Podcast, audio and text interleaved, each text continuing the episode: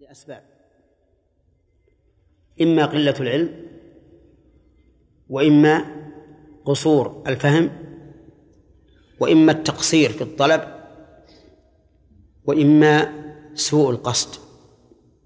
أربعة أسباب لخفاء الحكم الشرعي على الإنسان.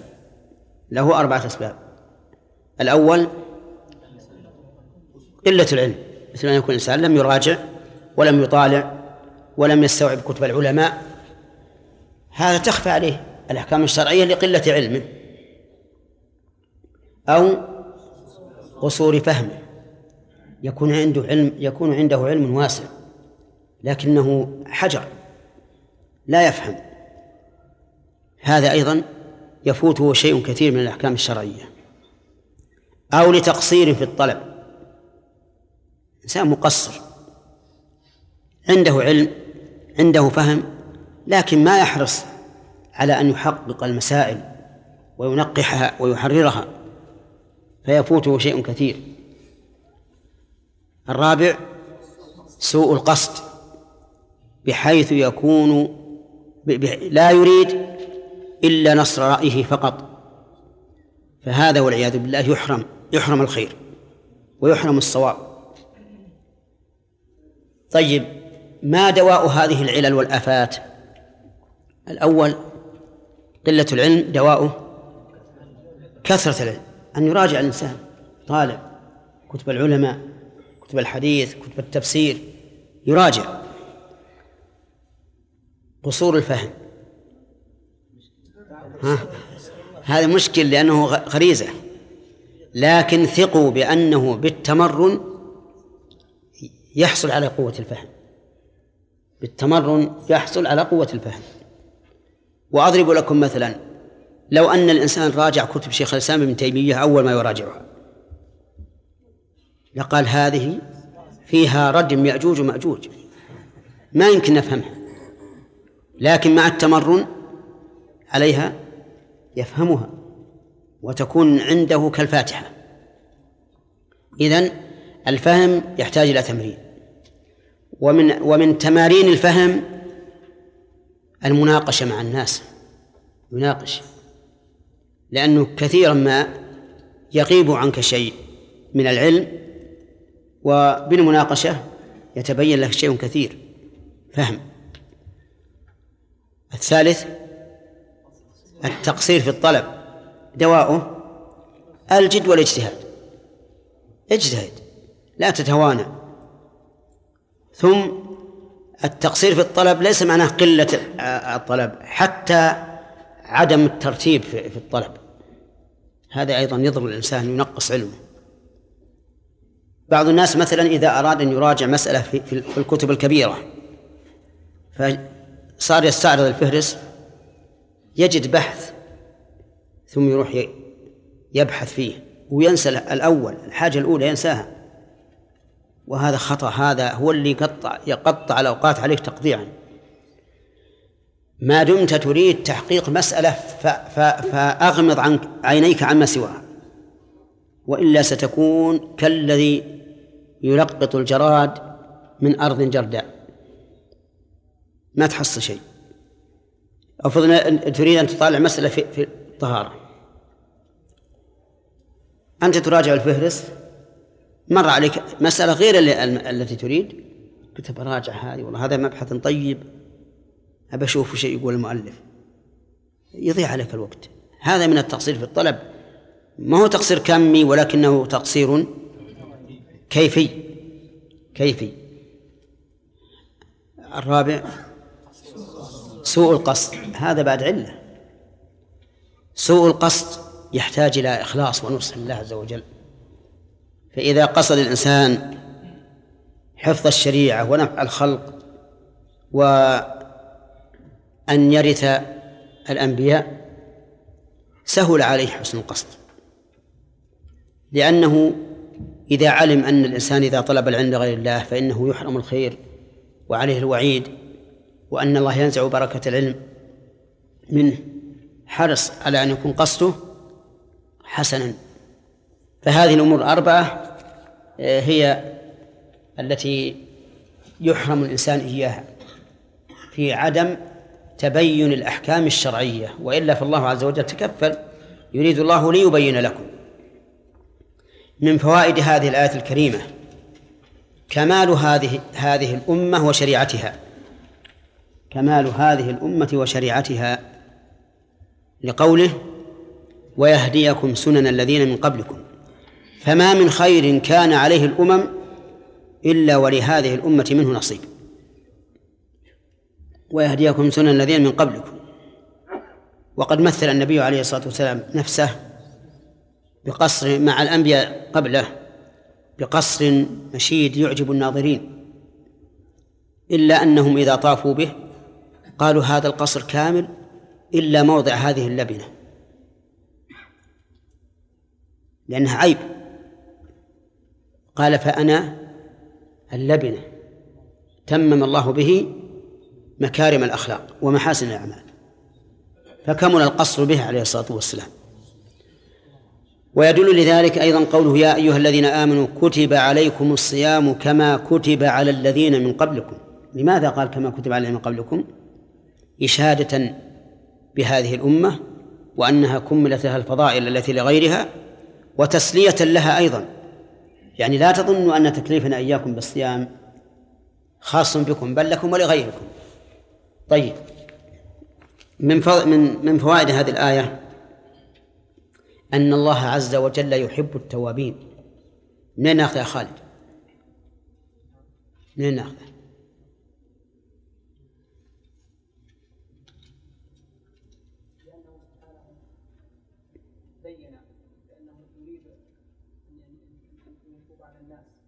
نعم. أي هذه إرادة المحبة. إذن فالله تعالى يحب منا أن نتوب. قال الله تعالى إن الله يحب التوابين ويحب المتطهرين. ويتفرع على هذا غاية الكرم في الله عز وجل.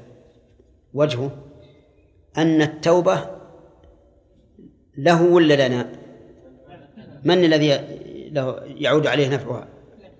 نحن. وهو يحبها لمصلحتنا. وقد ثبت عن النبي عليه الصلاة والسلام أن الله يفرح بتوبة عبده كما يفرح الرجل الذي أضل ناقته في أرض فلات فطلبها فلم يجدها فاضطجع تحت شجرة ينتظر الموت. قد أيس من الحياة فإذا بحطام ناقته فأخذ به وقال اللهم أنت عبدي وأنا ربك. أخطأ من شدة الفرح الله أكبر الله أكبر. أبدا تكون مستعدين لله يعني كأنهم مستعدون لإنذار الله إياهم. مستعدون للإنذار. ما ما أرى هذا. والحمد لله. اللي قائم يصلي واللي نائم معذور. وهي فرض كفاية ما هي فرض عين على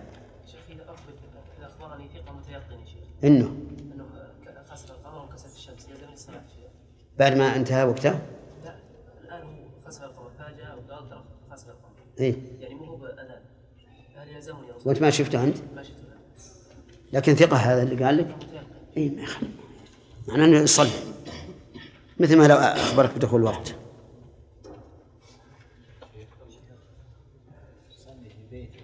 لنا لنا لنا في اللقاء اليوم اللقاء الأسبوع كلمه لو الأخ موسى يوزع طيبة.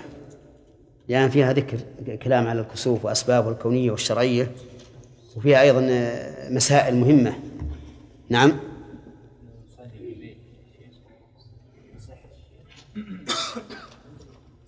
يصح لعموم قولك فصلوا لكن السنة الاجتماع. يجب. والعقيقة لا. لا تجب لأن المطالب بها الأب. تغيير الاسم إذا كان الاسم هذا من أسماء غير المسلمين يغيره إلى اسم غير اسلام مسلم. إلى اسم مسلم. مباشرة. مباشرة. نعم. إيش؟ الختام مباشرة. من اللي يخاف؟ ها؟ المسلم عن عن رغبة ما هو بخايف. لأن العملية الآن سهلة نعم نعم إذا شفنا أن الإسلام هش نصبر شوي من هو عليه الدور؟ نبدأ والله يريد أن يتوب عليكم قال الله تعالى والله يريد أن يتوب عليكم ها؟ ما كمان؟ إيه؟ ما هي؟ إيه رؤوس رؤوس الفوائد. نعم. ثانيا سعة رحمة الله عز وجل بعباده ثالثا انه ليس في الشرع شيء مجهولا لكل احد رابعة كمال هذه الأمة وشريعتها خامسة أن الله عز وجل يحب التواضع تمام زين. من فوائد هذه الآية إثبات اسمين من أسماء الله وهما العليم والحكيم وما تضمناه من وصف. فالعليم تضمن العلم والحكيم تضمن الحكم والحكمة. الحكم والحكمة لأنه مشتق من الحكم والحكمة. ومن فوائد الآية الكريمة اقتناع الإنسان بما يجري الله عز وجل من حكم شرعي وحكم كوني. وجه ذلك أن ما يجريه الله عز وجل من الأحكام من الأحكام مقرون بإيه؟ بالحكمة. وإذا علمت ذلك اقتنعت سواء كان هذا في الأحكام الكونية أو في الأحكام الشرعية. حتى المصائب التي تنال العباد لا شك أن لها حكمة حكمة يقتنع الإنسان بوجودها ولا يعترض لا يعترض على الله تعالى بها. ومن فوائد هذه الآية الكريمة المسلكية مراقبة الله عز وجل مراقبة الله في السر والعلانية. من أين تؤخذ؟ من صفة العلم من ثبوت صفة العلم. لأنك متى علمت أن الله عالم بك فإن ذلك يوجب لك مراقبة الله سبحانه وتعالى. أن لا يفقدك حيث أمرك ولا يجدك حيث نهاك.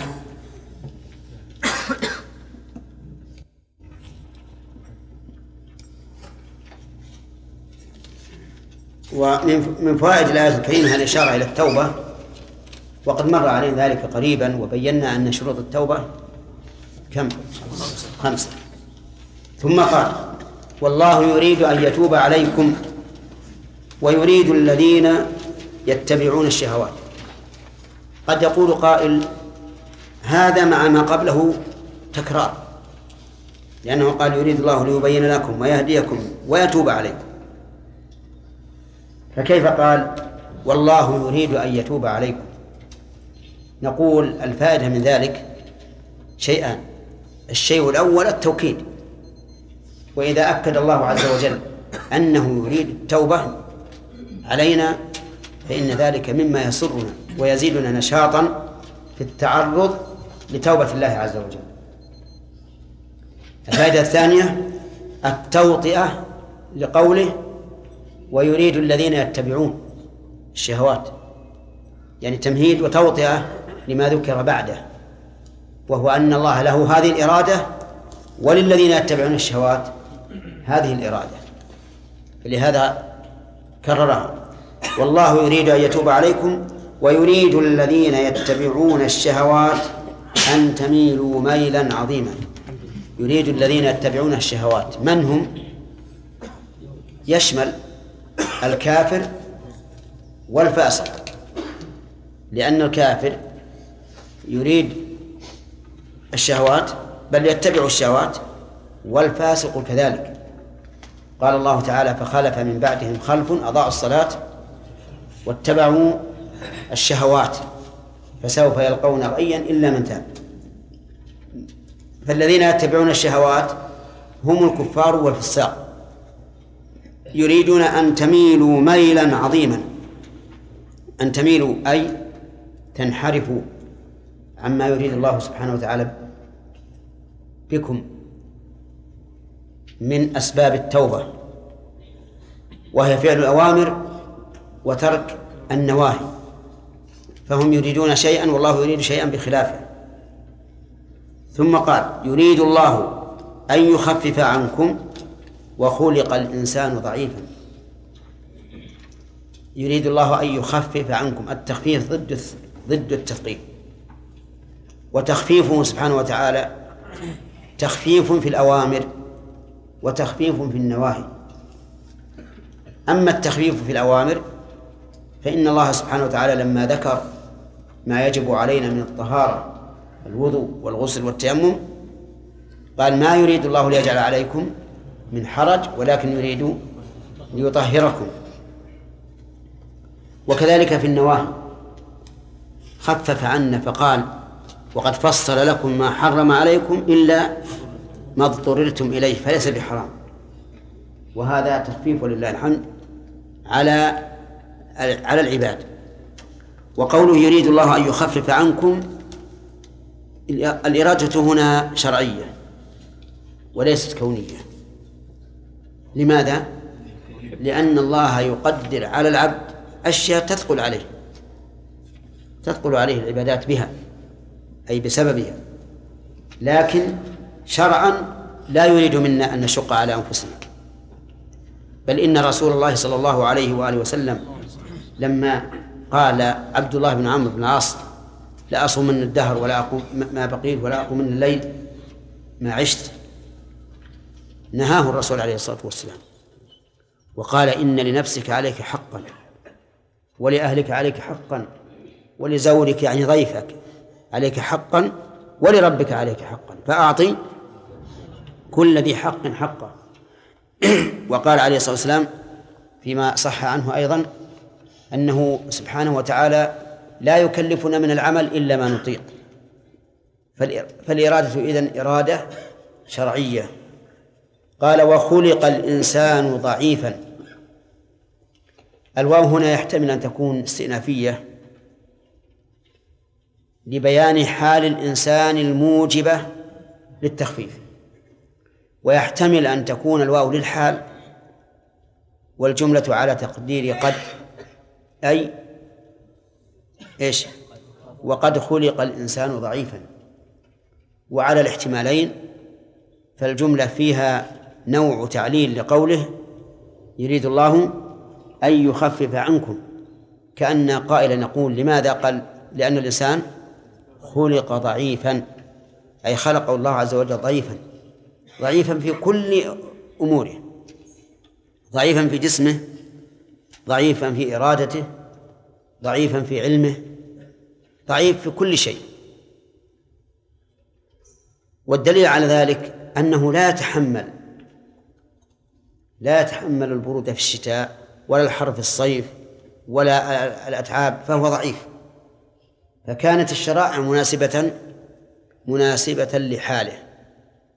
وتأمل الفرق بين قوله هنا خلق الإنسان ضعيفا وبين قوله فقاتلوا أولياء الشيطان إن كيد الشيطان كان ضعيفا.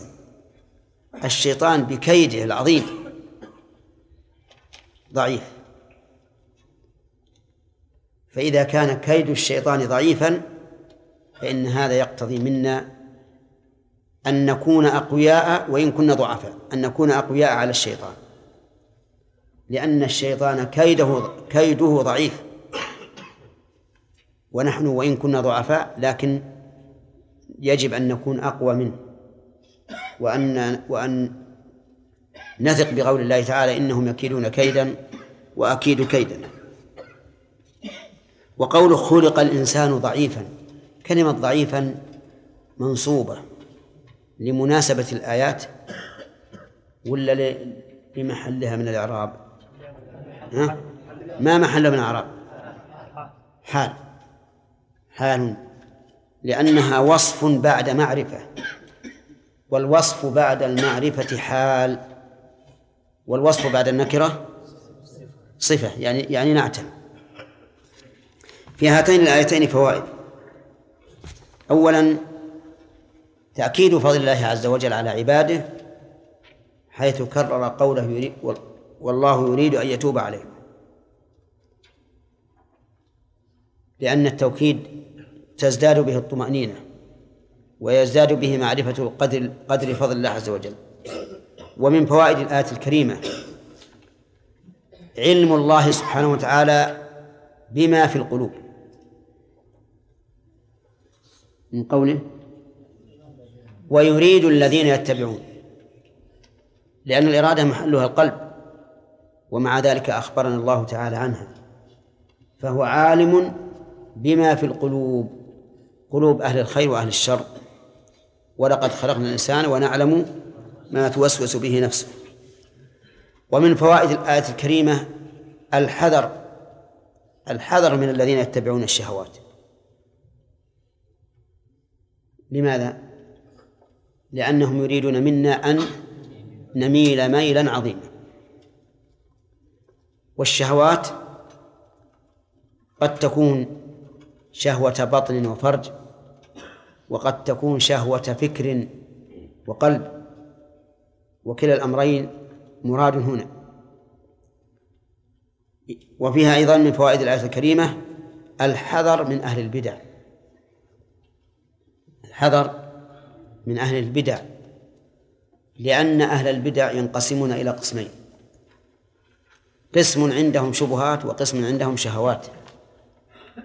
فالجاهل منهم عندهم شبهات.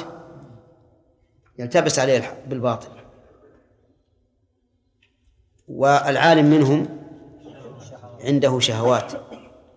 يريد ما لا يريد الله ورسوله.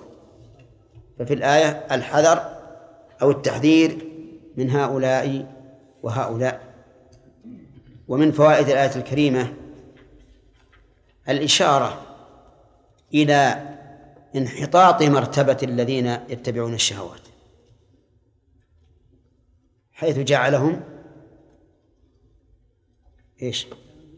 أتباعا يتبعون الشهوات تقودهم الشهوات وهذا ذل أن يكون الإنسان تابعا للشهوات لأن العزة أن يكون الإنسان متبوعا. فإذا كان تابعا فمعناه أن شهواته ملكته حتى صار تابعا وكأنه يجبر على ذلك. ومن فوائد الآية الكريمة أن إرادة أن إرادة المتبعين للشهوات بنا لا تقتصر على أدنى ميل. من أين تؤخذ؟ أن تميلوا ميلا عظيما. فإذا كان كذلك فإننا إذا ملنا قليلا تابعوا حتى نميل ميلا عظيما. نسأل الله السلامة. أبد. ها؟ مستحيل لأنه سبب الكسوف. هو حيلولة الأرض بين الشمس والقمر. نعم.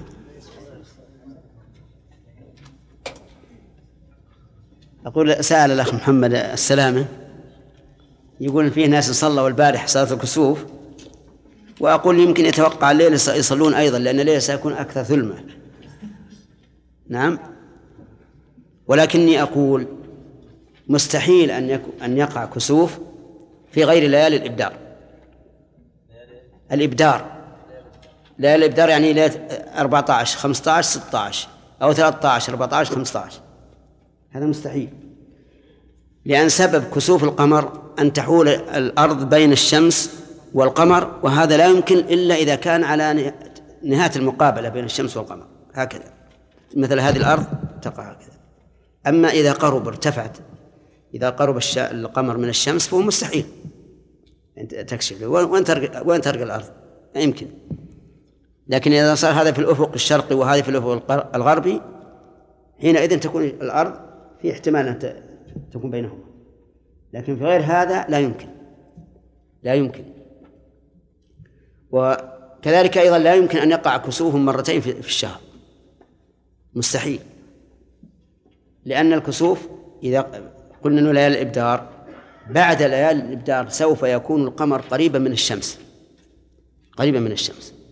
إذا كان قريبا من الشمس فمعناه ما يمكن الكسوف. الشيء الثاني علامة الكسوف ما يكون الثلم الثلم إلا مما إلا مما يلي الشمس. اللي البارح الثلج من من فوق. لأن العادة أن الذي يلي الشمس من القمر هو الذي يكون فيه النور. ولهذا في أول الشهر تجد القمر مقوس ظهره إلى إلى الشمس.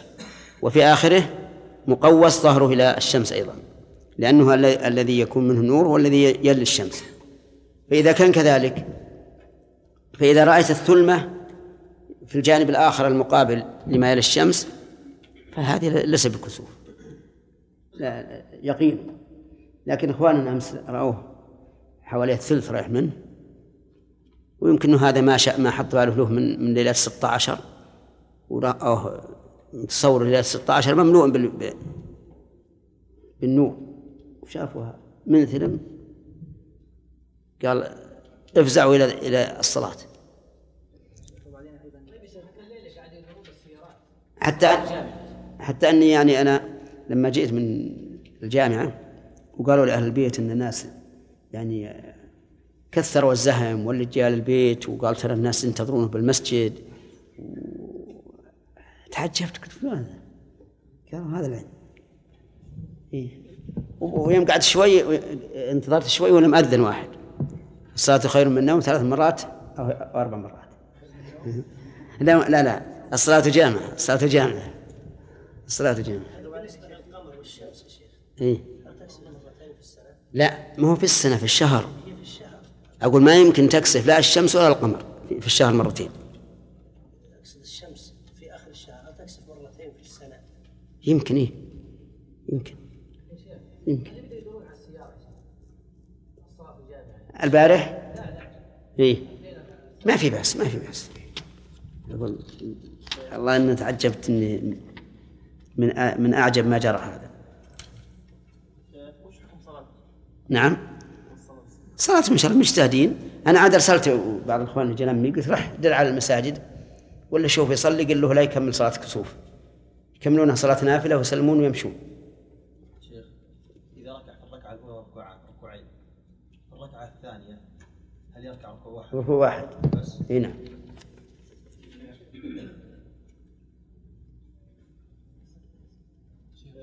أم سمعني يا عبد الله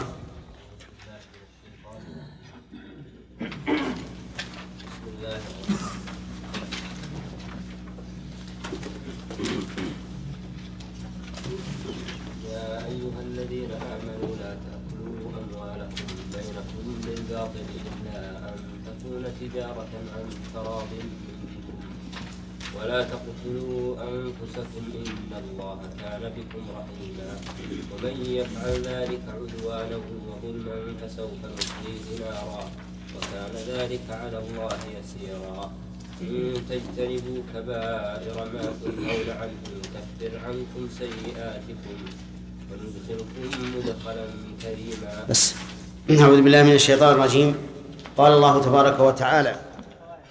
نعم. كيف؟ إلى؟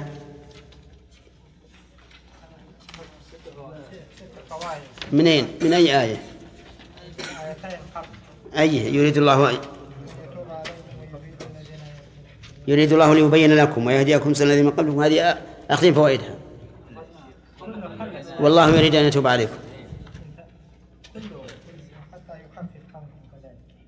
كذا طيب. إرادة إيش؟ إرادة أن؟ لا تقتصر على أدنى ميل أن ميلا عظيما نعم. فإذا كان كذلك فإن إذا قليلا حتى نميل ها؟ نعم. حتى نميل ميلا عظيما نعم. طيب. الآن هذه انتهت. بقى الآية اللي بعدها. قال الله تعالى يريد الله أن يخفف عنكم وخلق الإنسان ضعيفا. هذا مبتدأ درس الليلة.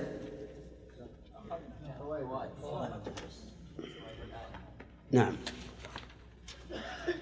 من فوائد هذه الآية أن الله سبحانه وتعالى يريد التخفيف على العباد بالإرادة الشرعية ومن فوائدها أن اليسر إلى الله أحب إليه من العسر. لقوله تعالى يريد الله بكم اليسر ولا يريد بكم العسر. ومن فوائدها الحث على اتباع رخص الله. لأن الرخص من التيسير. وقد أيد ذلك ما جاء في الحديث أن الله سبحانه وتعالى يحب أن تؤتى رخصه. كما يحب أن تؤتى عزائمه أو كما يكره أن تؤتى عزائمه. ومن فوائدها أنه إذا تعارضت الأدلة عند المستدل بين التيسير والتعسير فالأولى أن يأخذ بالتيسير لأن هذا هو مراد الله عز وجل. ومن آيات ومن فوائد الآية الكريمة الإشارة إلى العلة بإرادة التخفيف على العباد وهي قوله وخلق الإنسان ضعيفا.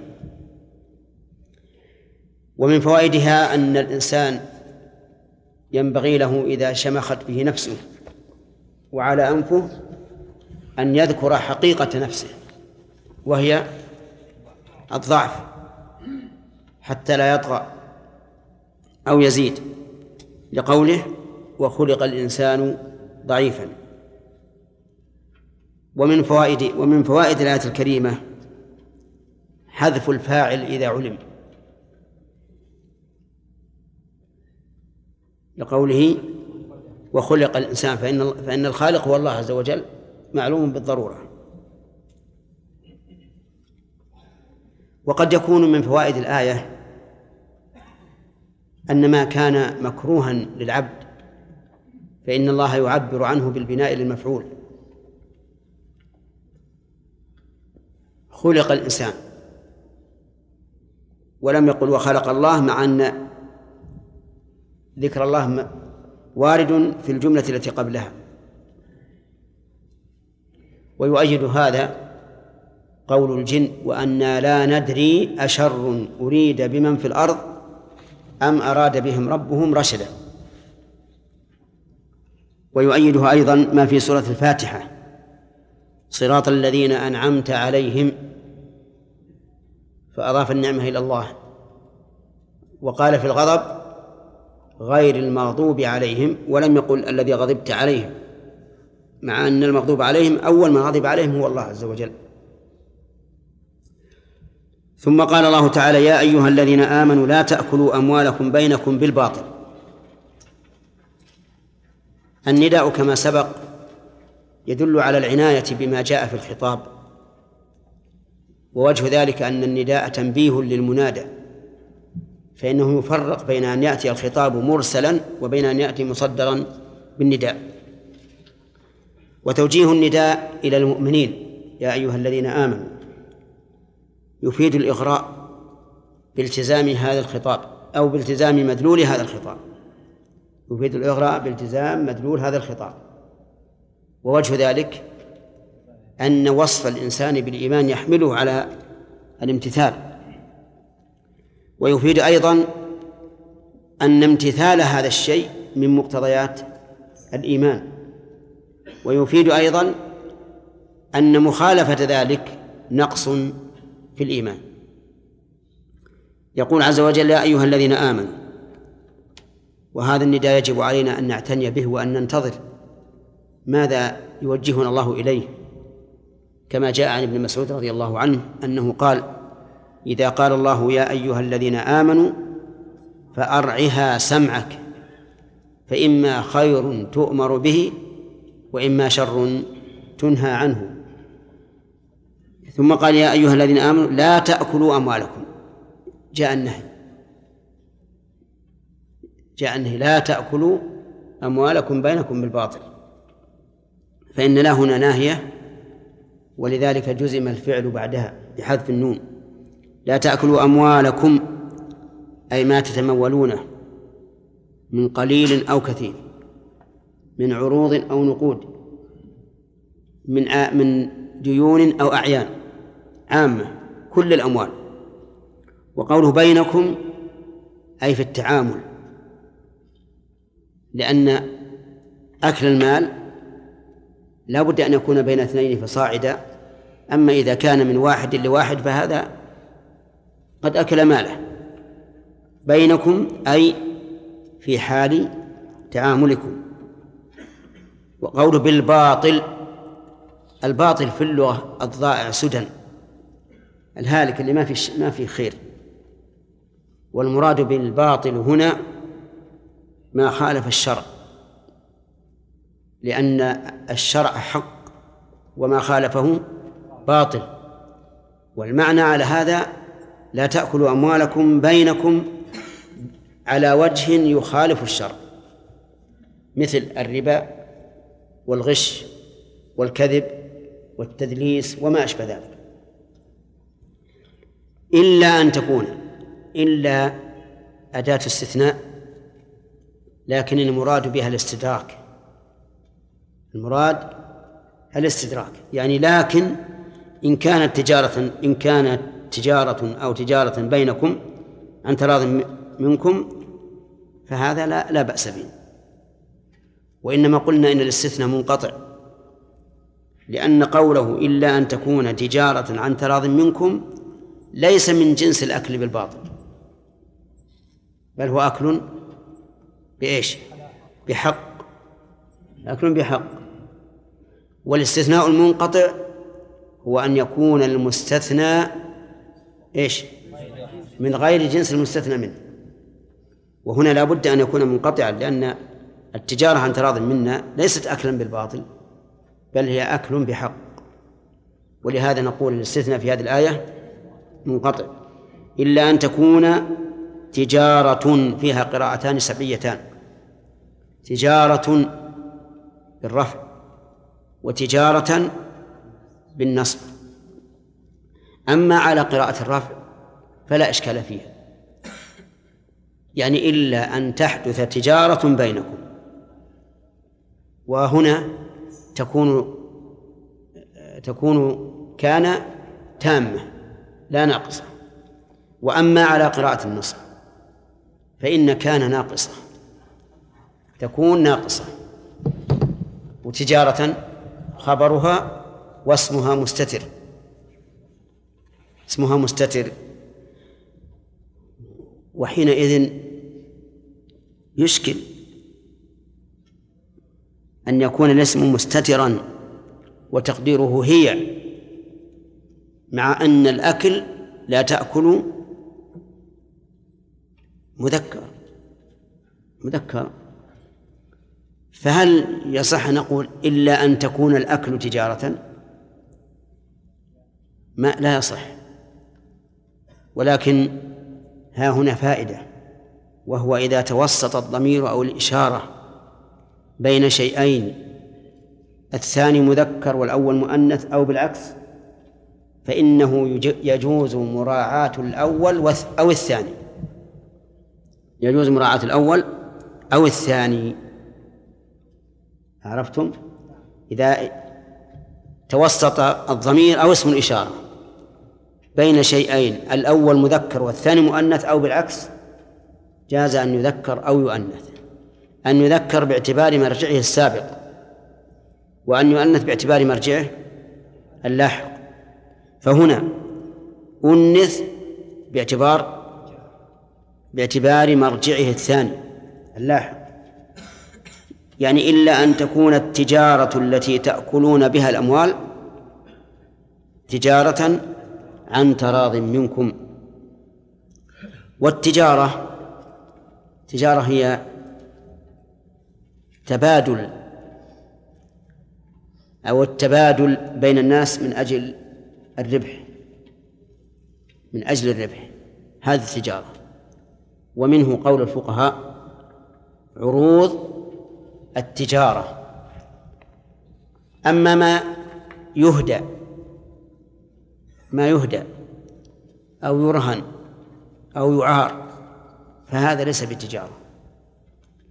وكذلك ما اشتري لدفع الحاجة كشراء الخبز للأكل. فهذا ليس ليس بتجارة. لأن الإنسان لا يقصد به الربح. وحينئذ يبقى في مدلول الآية إشكال. إذا كانت المعاملات أكثر من التجارة فلماذا لم لماذا لم يذكرها؟ فقيل إنها لم تذكر يعني التعامل بغير قصد التجارة لأن الغالب في تعامل الناس هو التجارة وهي التي يقع فيها المح... نعم وهي التي يقع فيها المشاحة وأما غيرها فالإهدى تصدر عن طيب نفس من المهدي وكذلك العارية وكذلك الرهن. وما أخذ وما وما اشتري للحاجة فالغالب أنه لا يحصل فيه. تشاحن. لأن الإنسان يقصد به دفع الحاجة لا حصول الربح. فلهذا ذكرت التجارة. وإلا فمن المعلوم أن العقود التي تقع عن تراضي أكثر من من عقود التجارة. إلا أن عن تراض منكم عن تراض. الجار المجرور متعلق بمحذوف تقديره. صادرة عن تراض منكم أو حاصلة عن تراض منكم وتراض هنا صيغة تفاعل يتبين بها أن المراد التراضي من الطرفين الآخذ والمعطي. وقوله عن تراض منكم يعني صادر منكم. أنتم أيها المتعاملون. لا من غيركم. فلو رضي الأب ببيع ابنه والابن لم يرضى والملك للابن فلا عبرة برضا الأب. ثم قال إي نعم نعم. لو رضي الأب ببيع مال ابنه دون الابن فإنه لا لا لا لا عبرة برضاه. قال ولا تقتلوا أنفسكم إن الله كان بكم رحيما. لا تقتلوا أنفسكم. القتل معروف إزهاق النفس. ولكن أنفسكم هل المراد بذلك نفس القاتل ويكون هذا بمعنى الانتحار؟ أو المراد بأنفسكم أي إخوانكم. كما في قوله تعالى ولا تلمزوا أنفسكم. فإن الإنسان لا يلمز نفسه إنما يلمز غيره. أي أيهما المراد؟ نقول هو شامل. نقول هو شامل. فلا يقصر عن من يقتل نفس على من يقتل نفسه نفسه ولا ولا على من يقتل غيره. بل يقال الآية شاملة لهذا وهذا. فإن كان المراد لا تقتلوا أنفسكم أنتم فلا إشكال في الآية. وإن كان المراد لا تقتلوا غيركم فلماذا عبر عن الغير بالنفس؟ نقول عبر عن الغير بالنفس لأن المؤمن مع أخيه كالجسد الواحد كما ضرب ذلك النبي صلى الله عليه وآله وسلم مثلا. إذا اشتكى منه عضو تداعى له سائر الجسد بالحمى والسهر. وأيضا فالتعبير عن الأخ بالنفس فيه إغراء وحث يعني كأنه هو نفسك ففيه إغراء للإنسان عن تجنب قتل الغير وتحنن للإنسان أو حمل الإنسان على التحنن على أخيه. وقوله إن الله كان بكم رحيما الجملة تعليل لما قبلها. تعليل للحكمين أكل الأموال وقتل النفوس. فالله سبحانه وتعالى بنا رحيم. ومن رحمته تحريم أكل الأموال بيننا بالباطل وتحريم أو النهي النهي عن أكل الأموال بيننا بالباطل والثاني النهي عن قتل أنفسنا فإن هذا من رحمة الله بنا. وجهه في في الأول أن أكل الأموال بالباطل يؤدي إلى التشاحن والنزاع وربما يؤدي إلى الصدام المسلح. وقتل الناس واضح. وقول إن الله كان بكم رحيما. بكم الخطاب يعود إلى من؟ إلى المؤمنين. لأنه يخاطب المؤمنين. يا أيها الذين آمنوا. ويؤيد هذا قوله تعالى وكان بالمؤمنين رحيما. وكان بالمؤمنين رحيما. ولم يرد في القرآن. إضافة الرحمة إلى الله تعالى منسوبة إلى الكافرين يعني بالمعنى العام.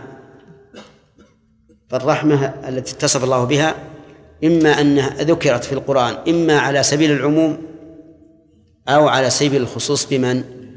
بالمؤمنين. أما على سبيل الخصوص بالكافرين فلم ترد.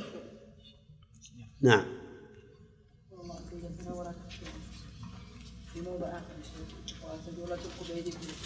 نعم. شيخ هل نقول ان هذا من باب البعض عن الكل؟ إيش؟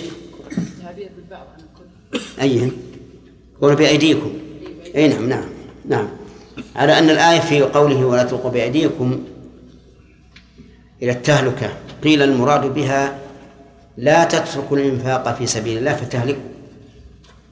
وليس المراد الإلقاء بالنفس إلى ما يهلكها كالقتل والتعرض له. لكن الصحيح أن الآية عامة. لا تلقوا بأيديكم إلى التهلكة في هذا وهذا. درس غدا وبعد غد يا شيخ. لا يوم الخميس في درس. نعم. نعم. الاصل حمل حمل اللفظ يا شيخ على ظاهره. نعم. فلا تقتلوا انفسكم على ظاهرها وهي. لأنه النفس يعني انتحار. أي. قلنا يقتل الغيظ ولا قرينه يعني لا تنزلوا انفسكم هذه قرينه إنه لا يمكن يلمس نفسه بل يلمس غيره فذهبنا على الأصل إلى إلى معنى آخر. نعم. ولا قرينه لا فيه بارك الله فيك. القرينة أن الله- أن الاعتداء على الغير كالاعتداء على النفس لأن الرسول جعل عقوبة المعتدي على نفسه كعقوبة المعتدي على الغير أنه مخلد في نار جهنم ويعذب فيها.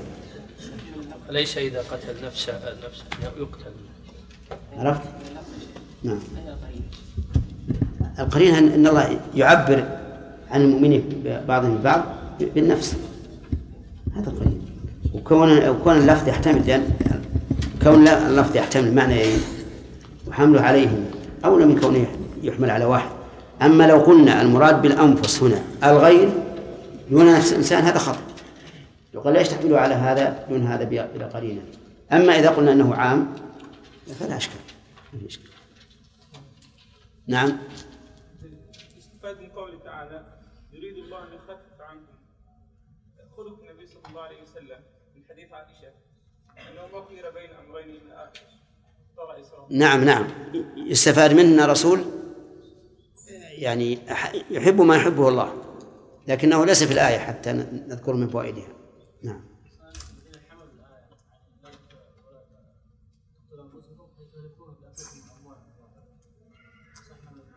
ما هو صحيح؟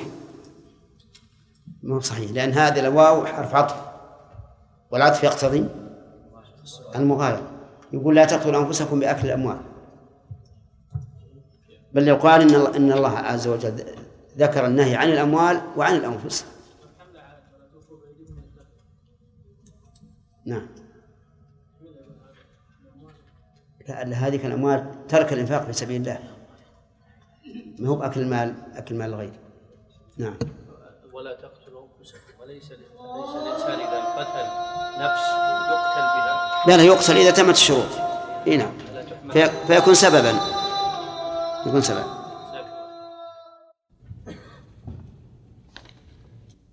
يسأل عن من المنهج السلفي.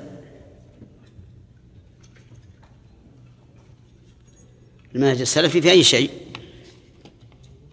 حسين حمد الحمد. وين هو؟ حسين حمد الحمد. ما شاء الله. كان حريصا على العلم.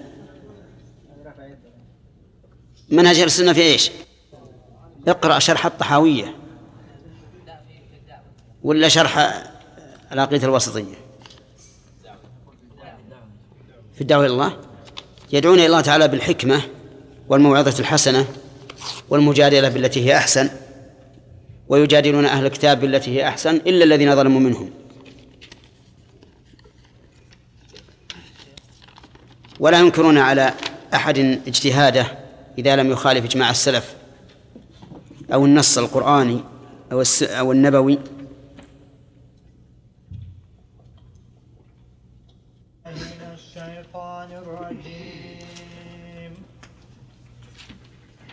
ومن يفعل ذلك عدوانا وظلما فسوف نصليه نارا.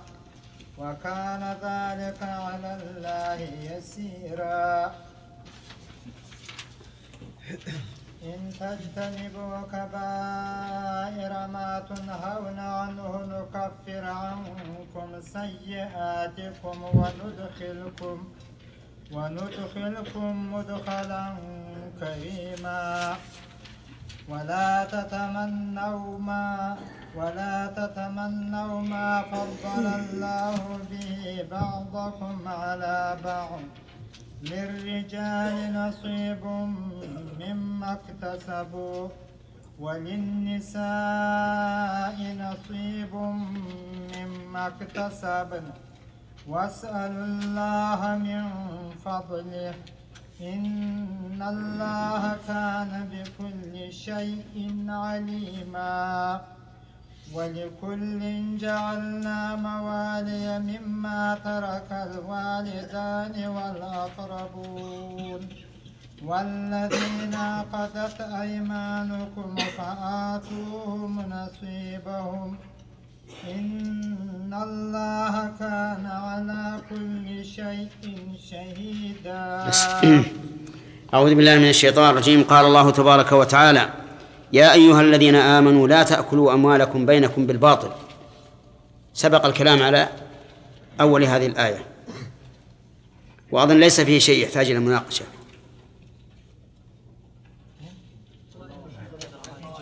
ها؟ ما ما ما كمل الآية ما كمل الآية. لا كمل الآية ولكن ما أخذ. ما أخذناها؟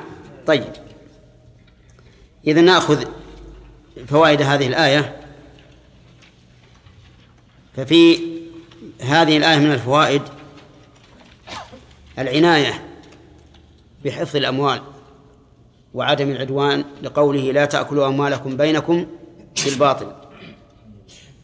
وفيه تحريم أخذ مال الإنسان بغير رضا منه لقوله إلا أن تكون تجارة عن تراض منكم.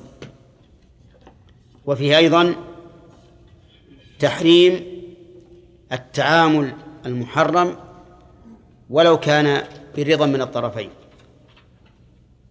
لأن التعامل المحرم أكل للمال بالباطل وعلى هذا فلو تراضى الطرفان على تعامل ربوي فإن ذلك محرم. ومن فوائدها أن من مقتضى الإيمان تجنب أكل المال بالباطل. لأنه وجه الخطاب إلى من؟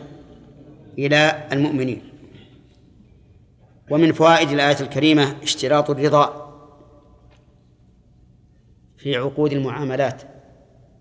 لقوله إلا أن تكون تجارة عن تراض منكم والرضا إذا كان سابقا على العقد لا إشكال في جواز العقد وصحته. ولكن إذا كان لاحقا فهل ينفذ العقد أم لا؟ وذلك فيما يسمى عند أهل العلم بالتصرف الفضولي. يعني لو أنني بعت مال شخص بدون إذنه ورضاه ولكن أذن فيما بعد ورضي فهل يقع العقد السابق صحيحا أو باطلا؟ إذا نظرنا إلى عموم قوله إلا أن تكون تجارة عن تراض منكم قلنا إنه يكون صحيحا. لأن هذه هذه التجارة صار مآلها إلى إلى التراضي وهذا القول هو الراجح.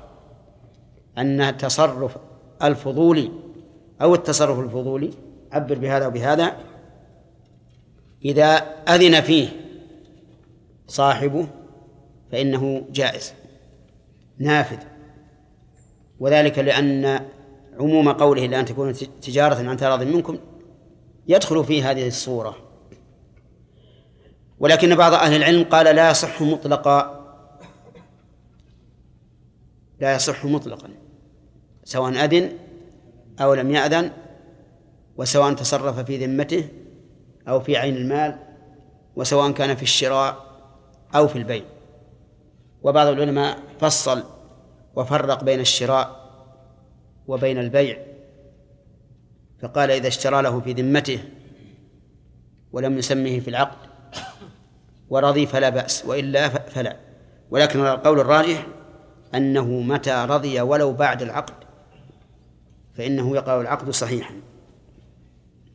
ومن فوائد هذه الآية الكريمة تحريم القتل قتل الإنسان نفسه لقوله ولا تقتلوا أنفسكم. وعلى التفسير الثاني من فوائدها أن المؤمنين كنفس واحدة وأن قتل الإنسان غيره كأنما قتل نفسه. ومن فوائد هذه الآية الكريمة أن الله عز وجل أرحم بالإنسان من نفسه لأنه نهاه أن يقتل نفسه فصار أرحم به من نفسه. ومن فوائد هذه الآية الكريمة إثبات صفة الرحمة لله بقوله إن الله كان بكم رحيما. والرحمة عند السلف صفة حقيقية ثابتة لله عز وجل وأنكرها المعطلة أنكروها إنكار تأويل لا إنكار تكذيب. يعني لم يقولوا إن الله ليس له رحمة بل قالوا إن المراد برحمته كذا وكذا. متعللين بأن الرحمة فيها شيء من الرقة واللين. والله عز وجل لا يوصف بهذا. فنقول لهم بماذا تفسرون الرحمة؟ قالوا نفسرها بإرادة الإنعام والإحسان.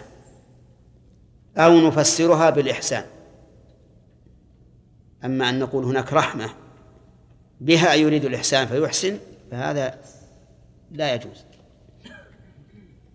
ولا شك أنهم بذلك التفسير خالفوا ظاهر ظاهر القرآن وخالفوا إجماع السلف. خالفوا إجماع السلف. وإجماع السلف قد يقول قائل أين إجماع السلف؟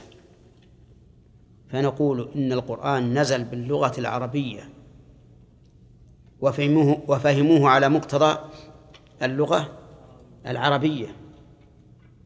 فإذا أثبت الله لنفسه الرحمة أثبتوا له الرحمة. لأن هذا هو الأصل. ونقول لمن قال إنه لا إجماع ائت بحرف واحد عن السلف. يفسرون الرحمة بغير ظاهر القرآن. وهذه فائدة مهمة. يندفع بها من شبه ولبس. وقال أين إجماع السلف؟ يقول القرآن بين أيديهم ولم يفسروه بخلاف ظاهره والأصل أنهم فهموه على إيش؟ على ظاهره بمقتضى اللسان العربي. ثم نقول لهم أنتم تفسرونه بالإرادة فرارا من مشابهة المخلوق بزعمكم. والمخلوق له إرادة. منكم من يريد الدنيا ومنكم من يريد الآخرة. تريدون عرض الدنيا والله يريد الآخرة. إنما الأعمال بالنجات ولا أحد يشك في أن المخلوق له إرادة. فإذا قالوا إرادة المخلوق تليق به وإرادة الخالق تليق به قلنا لهم ورحمة الخالق تليق به ورحمة المخلوق تليق به. وكذلك إذا فسرتم الرحمة بالإنعام الذي هو مخلوق أو بالنعمة التي هي المخلوقة قلنا النعمة لا تكون إلا بإرادة والإرادة لا تكون إلا برحمة. من لم يرحم لم يرد النعمة ولم ينعم. وبهذا تبين بطلان تحريفهم ونسميه تحريفا لا تأويلا على كل تقدير.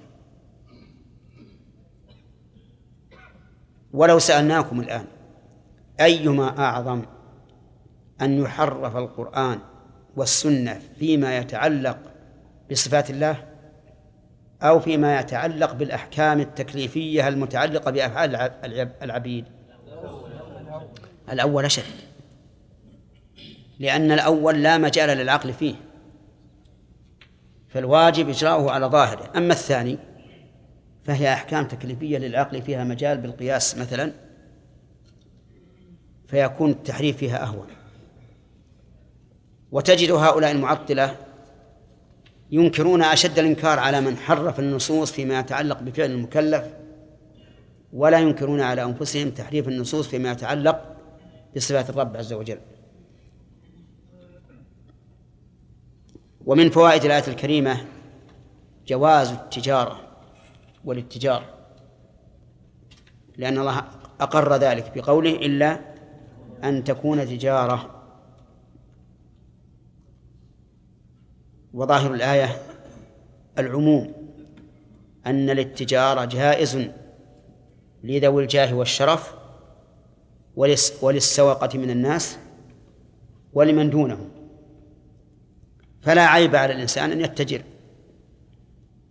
ويطلب الرزق.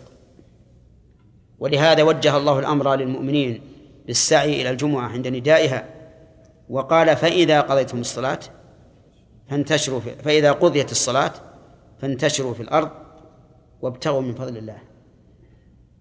واذكروا الله كثيرا لما أمرنا بطلب الرزق بعد الانصراف من الجمعة ذكرنا أن لا ننسى ذكر الله. قال ابتغوا من فضل الله واذكروا الله حتى لا تنسى. واذكروا الله كثيرا لعلكم تفلحون. على كل حال التجارة جائزة. ولا ولا عيب على الإنسان فيها. ويذكر في التاريخ أن أبا بكر رضي الله عنه لما ولي على المسلمين خليفة نزل إلى السوق.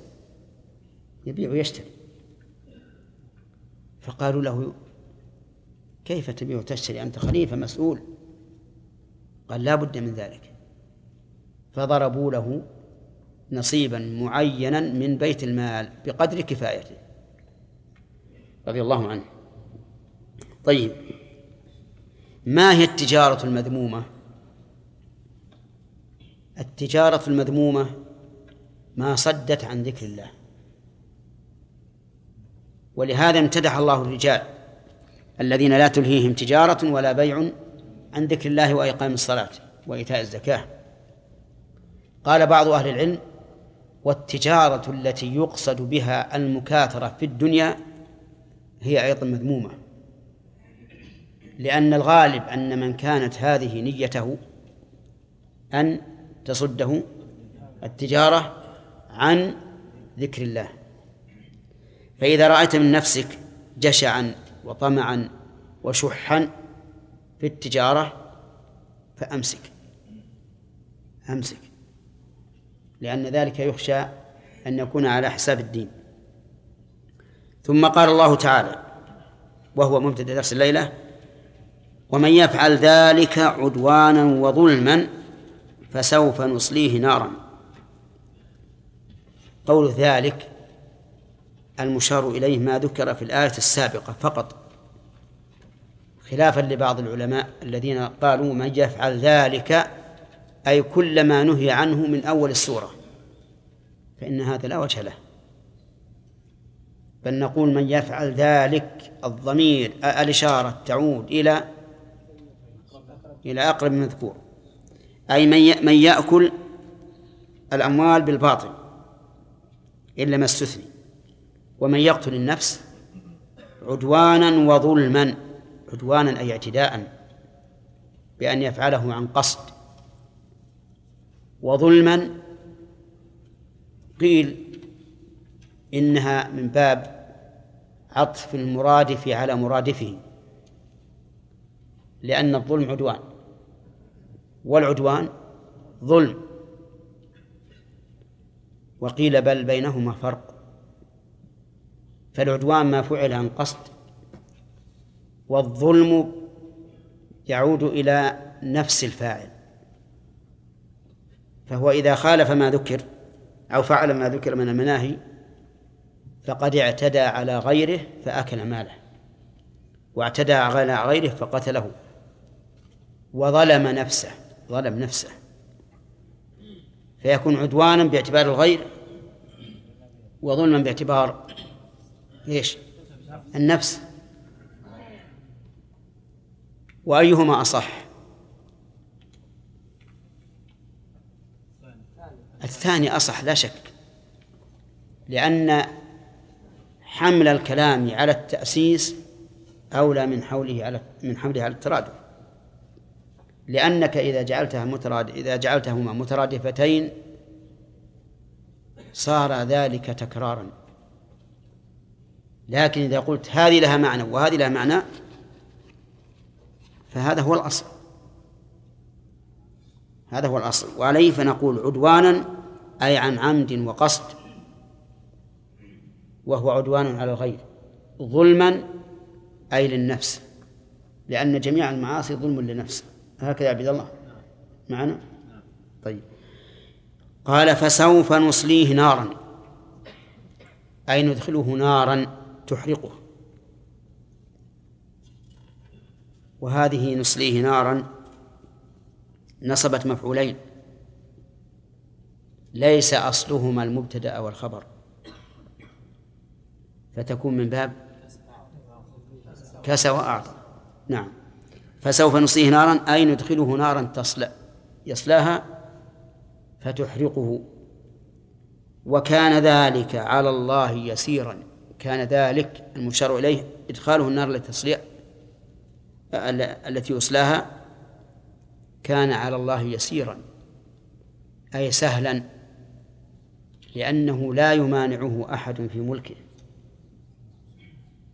التعذيب بالنار قد يصعب على بعض ملوك الدنيا مثلا لكنه على الله يسير سهل.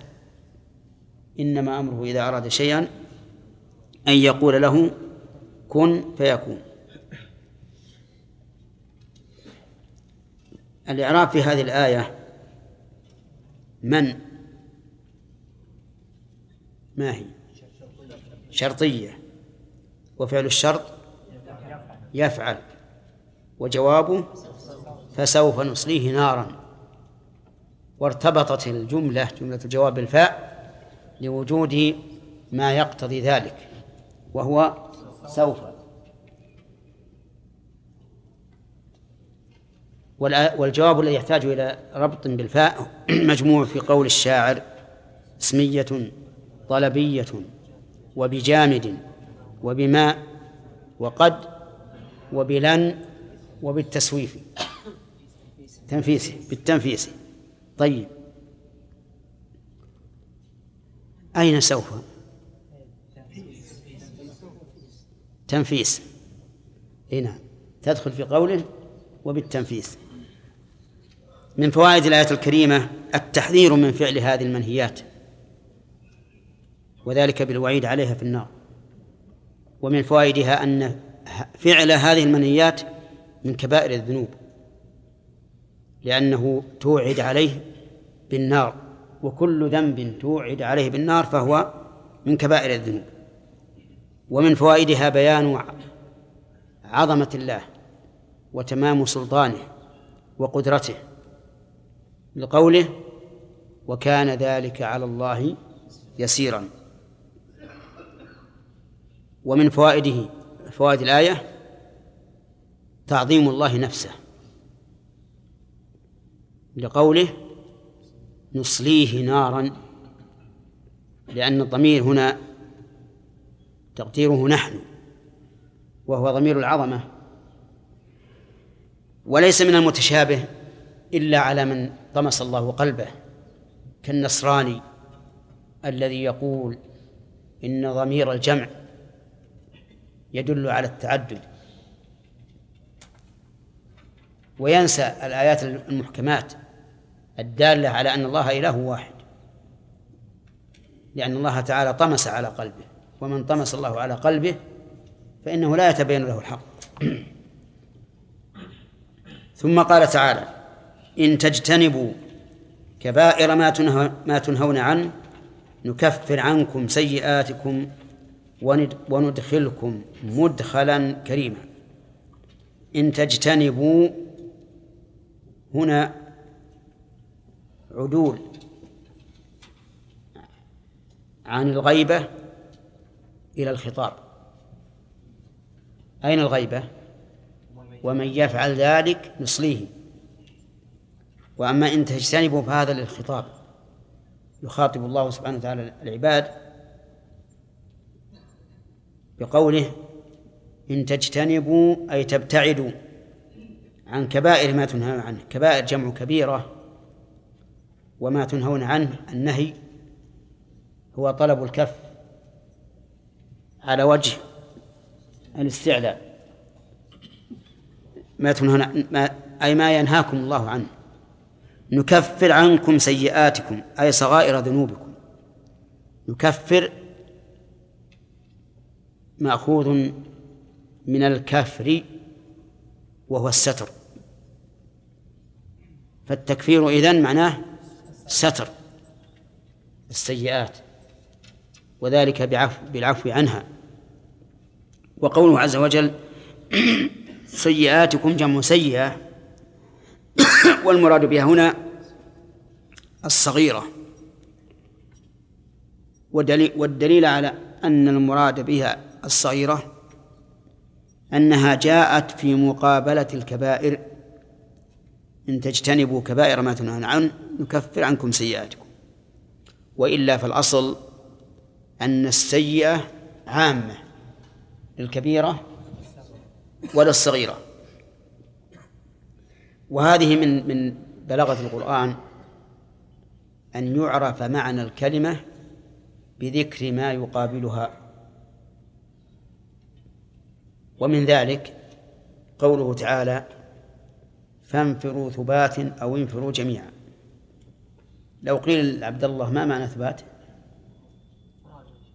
فرادى ما دليلك؟ ها؟ أنه قوبل بقوله أو انفروا جميعا مع أنك لو ذهبت تراجعها في القاموس أو غيره من كتب اللغة لأخذت وقتا. لكن إذا عرفت أن الله عز وجل يذكر الشيء وما يقابله كما في هذه الآية عرفت أن المراد بالثبات أي الفرادى. طيب.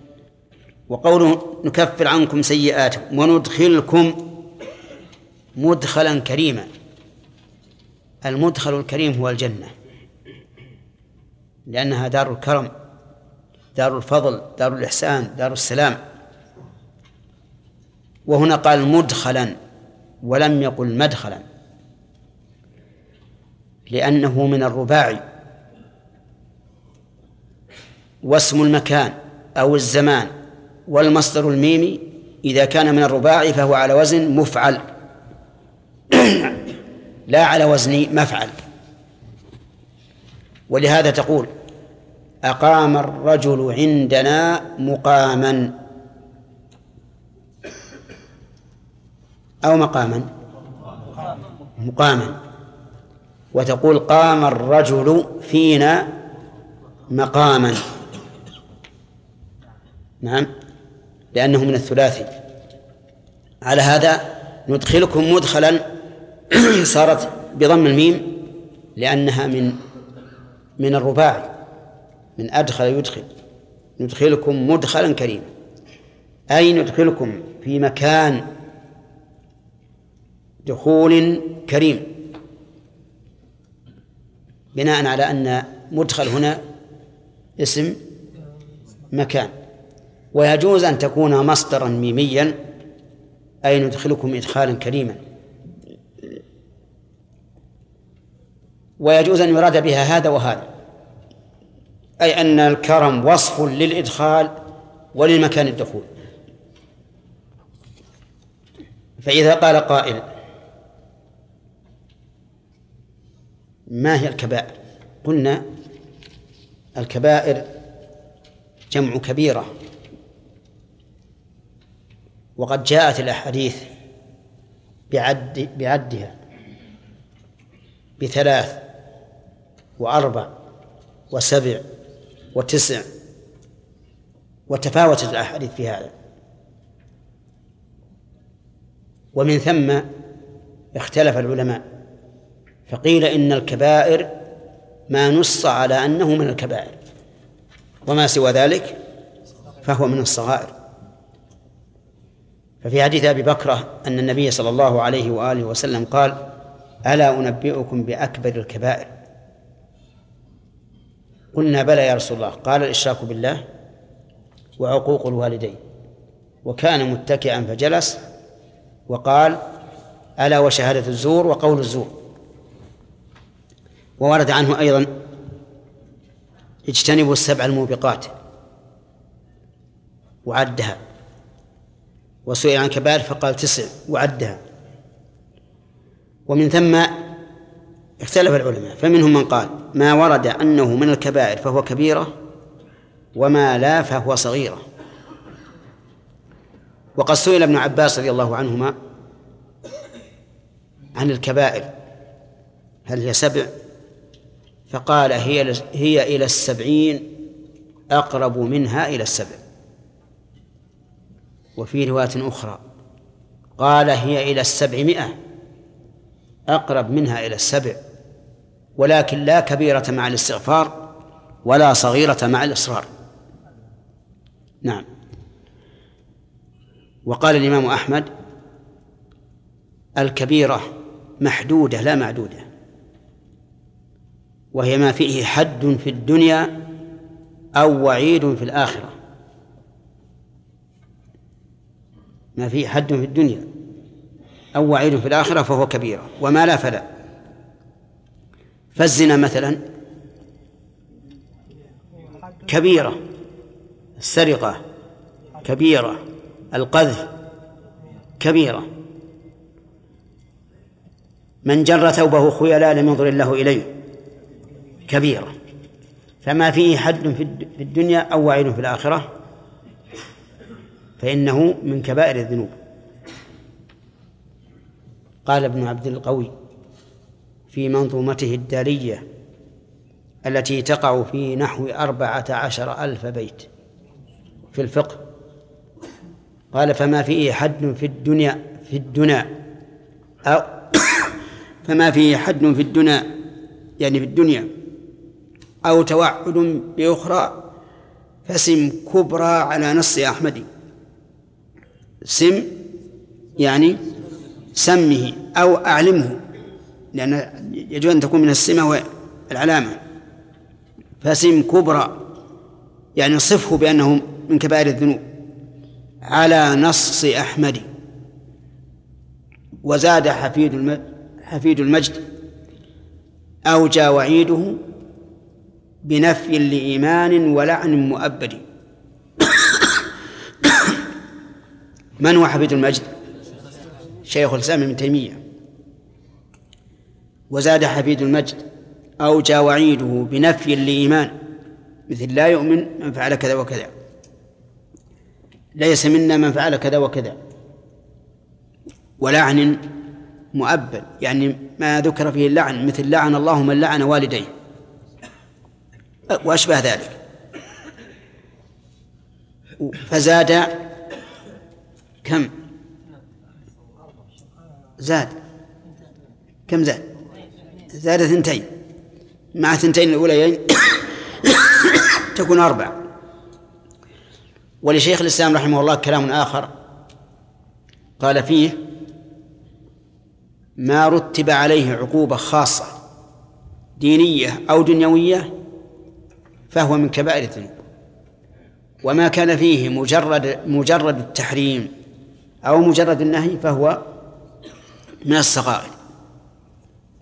ووجه ذلك أن تخصيص الذنب بالعقوبة يدل على عظمه وإلا لاكتفي بالعقوبات العامة على الذنوب. فكونه ينص على عقوبة خاصة فيه يدل على عظمه. وهذا الضابط الذي ذكره شيخ الإسلام ضابط لا بأس به. لكنه سوف يدخل فيه ذنوب كثيرة. سيدخل فيه ذنوب كثيرة.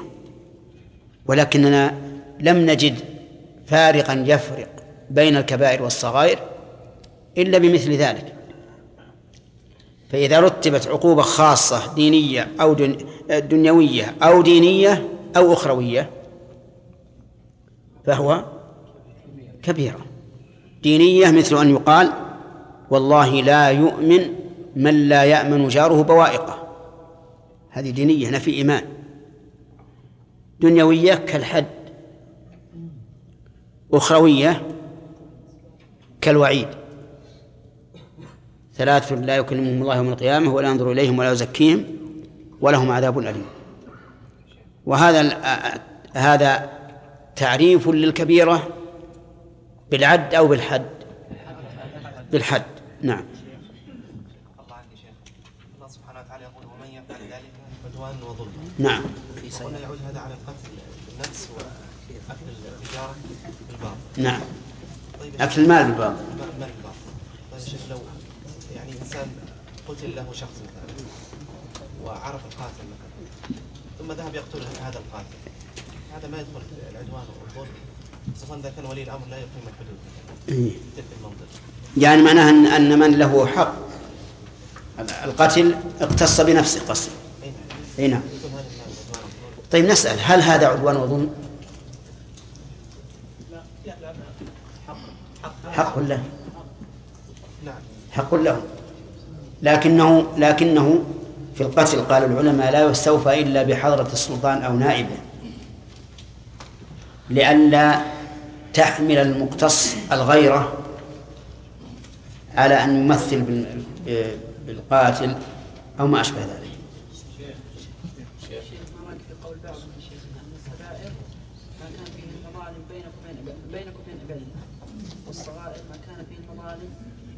ان وقال إن كل الكبائر اللي وردت كلها غالبا في- المظالم بين بين ما.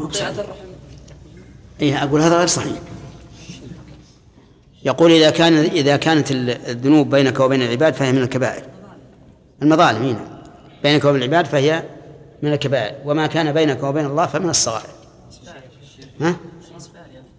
أقول هذا غير صحيح هذا. لأن من جر ثوبه خيلا لم ينظر الله إليه ما ما ما ظلمت أحد. نعم. يصبر. نعم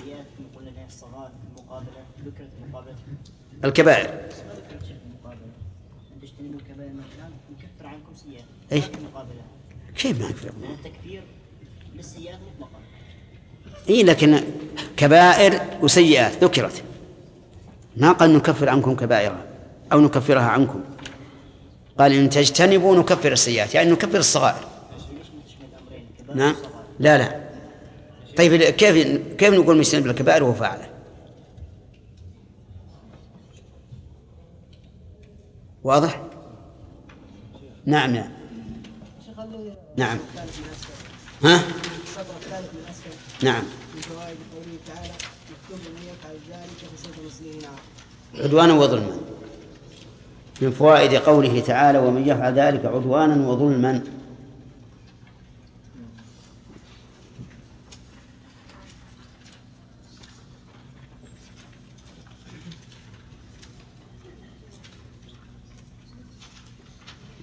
في شيء بعد؟ طيب. سمعنا يا خالد. خالد مزيني اقرأ لنا القرآن. أعوذ بالله من الشيطان الرجيم. إن تجتنبوا كبائر ما تنهون عنه نكفر عنكم سيئاتكم.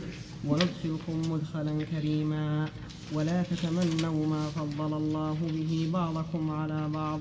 للرجال نصيب مما اكتسبوا وللنساء نصيب مما اكتسبن. واسألوا الله من فضله إن الله كان بكل شيء عليما.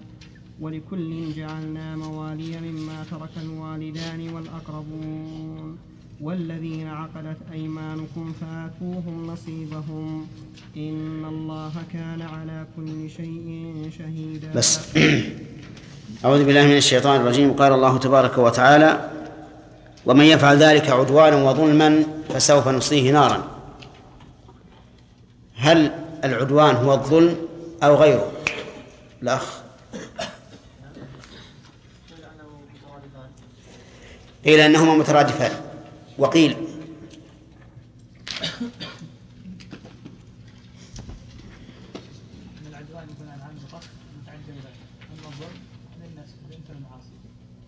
يعني قيل متباينان.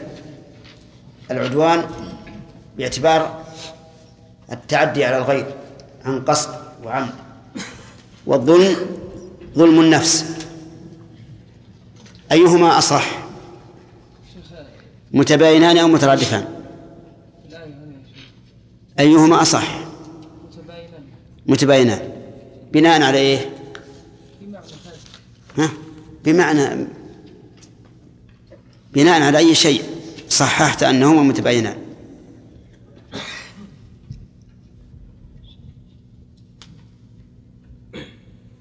الأصل في الكلام التأسيس والمغايرة. نعم.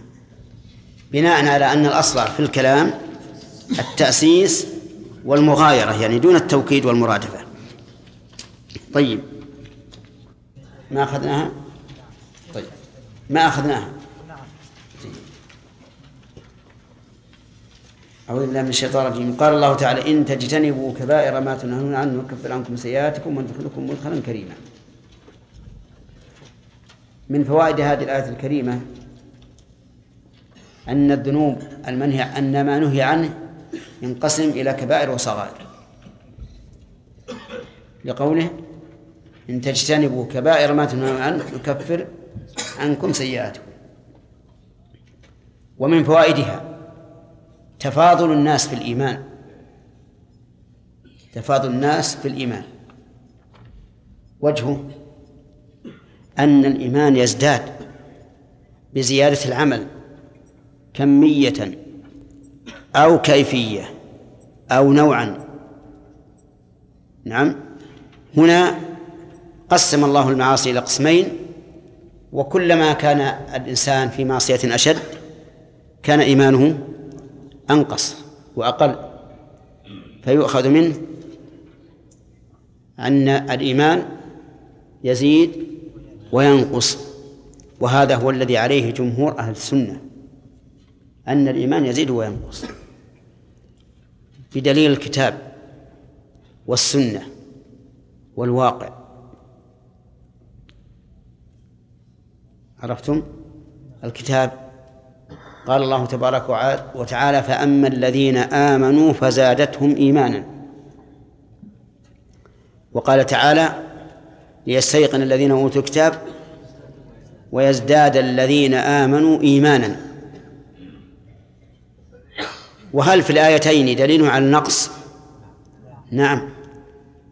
لأنه لا تتصور الزيادة إلا بما نقص دون عنها.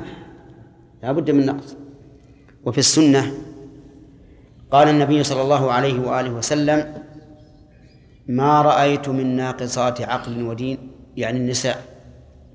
أذهب للب الرجل الحازم من إحداكم وأما الواقع فظاهر